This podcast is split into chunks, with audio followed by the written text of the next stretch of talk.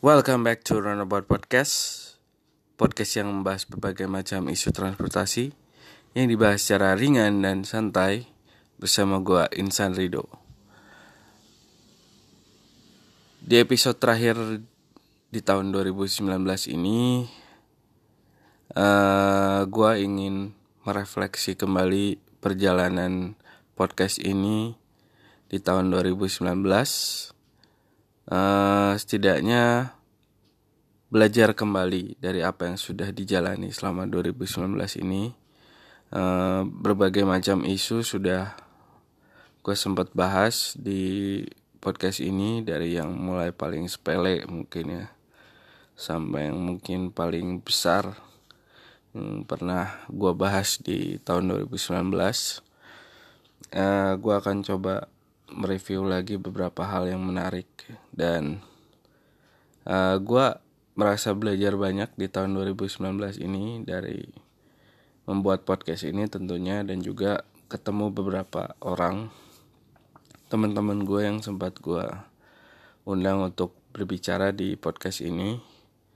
Nah semoga di tahun selanjutnya tentunya bisa ngasih pembelajaran yang lebih banyak lagi dan juga ngasih kesempatan buat teman-teman yang lain bisa ngobrol bareng di Roundabout Podcast. Jadi gue akan bahas mengenai refleksi dan pembelajaran di tahun 2019 ini di episode kali ini. Jadi semoga tetap mendengarkan Roundabout Podcast. Jadi stay tune.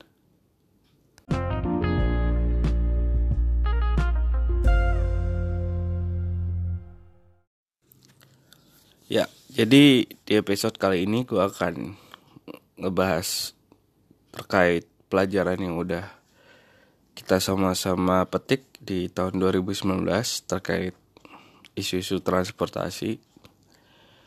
Um, ada beberapa isu-isu yang gue highlight sih selama 2019. Memang secara apa ya? Secara umum gue lebih banyak interest ke transportasi umum.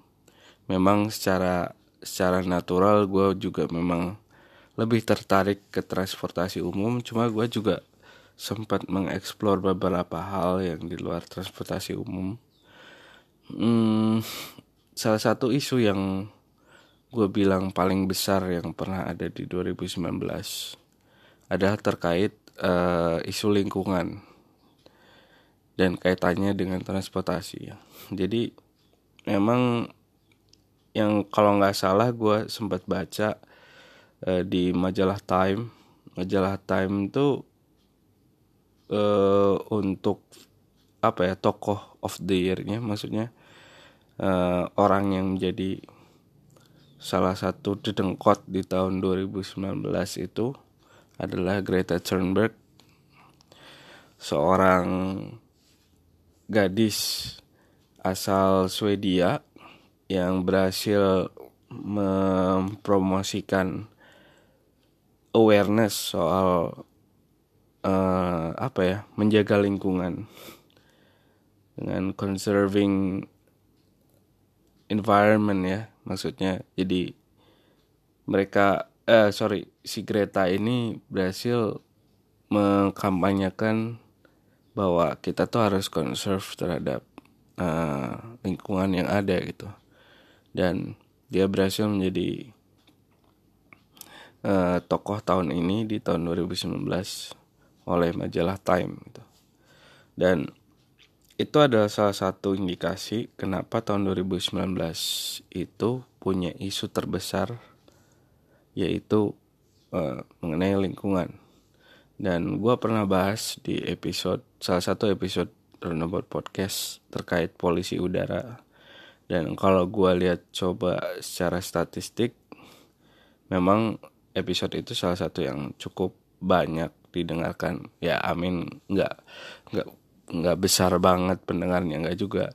Cuma cukup favorit lah artinya cukup cukup ramai didengarkan. Dan um, gue sepakat sih artinya polusi udara ini eh, memang sudah sangat berbahaya seperti yang dikatakan oleh Greta Thunberg gitu. Dan di podcast gua di episode yang gua bahas soal polusi udara itu gue juga sempat menyinggung bahwa transportasi adalah salah satu kontributor utama dari uh, polusi yang polusi udara yang ada di dunia ini gitu. Uh, di beberapa negara itu transportasi menjadi salah satu yang paling dominan bahkan mungkin sekitar 40 40 40-an persen itu dikontribusikan oleh transportasi dari emisi dari segala macam yang ditimbulkan oleh transportasi memang sudah mencapai level yang berbahaya gitu. Apalagi di Indonesia yang menurut gua awareness soal polusi udaranya masih sangat minim dan kita memang butuh banyak belajar sih seberapa jauh polusi udara ini bisa mempengaruhi kehidupan kita, kesehatan kita, dan berbagai macam dimensi lainnya. Dan mungkin kita belum sampai di tahap di mana uh, apa ya kerugian itu tuh benar-benar ada di depan mata kita gitu. Sampai terjadi beberapa bulan yang lalu Jakarta sempat indeksnya sangat buruk menjadi salah satu yang paling buruk mungkin di dunia. Barulah kita mulai punya awareness mulai punya kesadaran bahwa oh ternyata transportasi itu menjadi salah satu penyumbang terburuk yang ada terkait polusi udara sehingga kita harus lebih aware lagi dalam menggunakan transportasi. Dan di titik itu pun sebenarnya kita nggak bisa berbuat banyak. Artinya eh, polusi udara ini memang harus di apa ya digal artinya harus coba dimusnahkan oleh berbagai macam pihak bukan hanya oleh para warga negara saja tapi juga pemerintah industri dan berbagai macam sektor lainnya gitu. Dan ini yang masih menjadi tanda tanya di Indonesia. Seberapa jauh sebenarnya uh, goodwill yang ada di pemerintah itu bisa sampai ke warga negaranya dan seberapa jauh juga warga negaranya bisa ngasih kontribusi untuk mengeliminasi berbagai macam polisi-polisi udara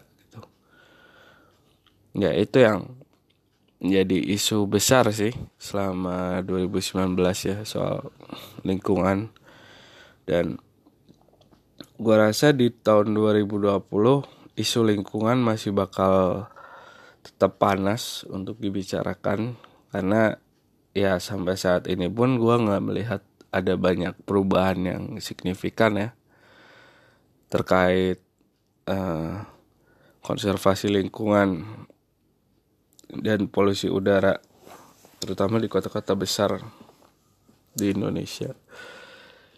Ya, setidaknya momentum 2019 itu harusnya jadi pelajaran untuk kita lebih aware soal soal soal lingkungan terutama yang kaitannya dengan transportasi mungkin bisa lebih um, menggunakan transportasi yang lebih ramah lingkungan. Mungkin harus lebih banyak belajar tentang eh, transportasi itu menjadi salah satu kontributor polusi udara karena kita semua menggunakan transportasi dan yang kita gunakan itu selama ini memang tidak ramah lingkungan. Ya itu yang harus kita kita sama-sama sadari lah gitu. Dan uh, pelajaran yang lain yang kita dapatkan di 2019 selain polisi udara isu yang cukup besar adalah terkait uh, transportasi umum dan aksesibilitas yang menurut gue cukup cukup ramai diperbincangkan terutama di di Jakarta ya dan kota-kota lainnya sebenarnya.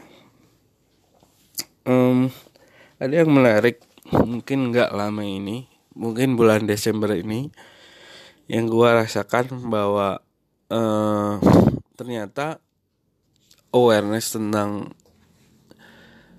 transportasi publik itu tidak semua orang punya. Artinya gini tidak semua orang merasa bahwa transportasi umum itu penting bagi mereka gitu. Artinya eh, ada beberapa orang yang gue tahu merasa bahwa ngapain sih punya transportasi umum yang bagus gitu? Ngapain sih punya transportasi umum yang bisa menjangkau semua orang gitu? Gak semua orang punya awareness itu dan menurut gue pribadi itu wajar. Artinya memang bakal ada beberapa orang yang nggak merasa bahwa transportasi umum itu penting bagi mereka gitu. Dan bukan. Menurut gue uh, orang-orang yang memang setiap hari menggunakan transportasi umum atau para penggiat transportasi umum tidak harus meyakinkan mereka secara mereka mereka tuh maksudnya orang-orang yang tidak percaya terhadap transportasi umum meyakinkan mereka itu supaya woi transportasi umum itu penting banget loh. Gini gini gini gini. Nggak menurut gua nggak perlu terlalu apa ya memberi edukasi tentu perlu. Cuma menurut gua nggak perlu sampai mengadvokasi secara secara apa ya secara keras gitu ya. Bahwa transportasi umum itu sangat krusial gitu. Tapi gue rasa lebih banyak memberikan uh, akses juga untuk orang-orang yang belum percaya bahwa transportasi umum itu penting untuk merasakan bagian menjadi bagian dari uh, pengguna transportasi umum itu sendiri gitu. Yang gue rasakan selama gue hidup ya, gue pernah tinggal di Bandung sangat lama dan gue merasa beruntung pada tahun 2013 kalau nggak salah ya 2014 gue pernah me mengikuti salah satu event yang cukup menarik menurut gue yaitu angkot day jadi konsep angkot day ini sebenarnya cukup sederhana sih artinya di satu hari itu angkot atau angkutan kota itu akan digratiskan. Artinya semua rute yang ada di Bandung, semua rute angkot ya, itu tidak perlu membayar. Maksudnya tidak perlu orang-orang yang menggunakan angkot pada hari itu tuh nggak perlu bayar. Tapi mereka bisa mencoba semua rute itu eh, tentu tanpa merogoh kocek sepeser pun dan akhirnya lebih banyak orang yang menggunakan uh, transportasi umum ya meskipun ya tentunya bakal didominasi oleh orang-orang yang setiap harinya menggunakan transportasi umum dan um, mungkin hal-hal semacam itu yang mungkin diperlukan untuk menaikkan awareness terkait transportasi umum bukan untuk ngejudge mereka yang nggak percaya transportasi umum itu baik dengan hal-hal dengan kata-kata yang kurang etis lah menurut gue yang menganggap mereka tuh ignoran menganggap mereka tuh nggak peduli menganggap mereka tuh ya kurang apa ya kurang kurang berpikir secara jernih lah gitu. Dan gue berharap bakal lebih banyak kesempatan bagi setiap elemen masyarakat baik itu yang secara sosioekonomik di bawah ataupun di atas ataupun secara akademis itu minim ataupun yang paling hebat sekalipun semua orang sebenarnya berhak untuk mendapatkan kesempatan mencoba transportasi umum. Karena ya balik kembali lagi umum kan. Umum artinya ya untuk semua kalangan gitu. Dan uh, mungkin dua isu itu yang paling gua soroti selama 2019 ini. Dan um, khususnya bagi pendengar buat podcast yang sudah mengikuti dari 2019 ini gue tahu ini nggak banyak. Cuma gue merasa berterima kasih sudah mendengarkan buat podcast ini. Gue tahu ini Roundabout podcast ini banyak kekurangan banyak hal yang harus diperbaiki tapi dengan adanya pendengar yang ya nggak perlu banyak-banyak sih tapi yang penting sudah membuat gue merasa bahwa oh keresahan gue ini ternyata ada orang yang merasakan hal yang sama juga bahwa isu ini tuh penting juga untuk kita sama-sama pelajari. Itu yang menurut gue menjadi salah satu hal yang uh, menyenangkan bagi gue secara pribadi dan juga jadi semangat bagi gue untuk membuat podcast ini lebih banyak lagi lebih konsisten lagi jadi mungkin itu dulu yang bisa gue sampaikan di akhir tahun 2019 ini. Intinya tadi merefleksi isu-isu dua isu utama tadi soal polusi udara dan juga transportasi umum.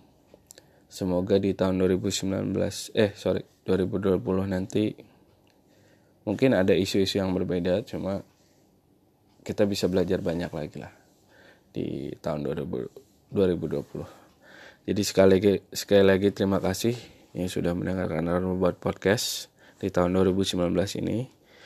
Semoga masih bisa mendengarkan Runabout Podcast di 2020 dan kita akan ketemu di tahun depan tahun 2020 dengan isu-isu yang lebih menarik dan lebih menantang lainnya.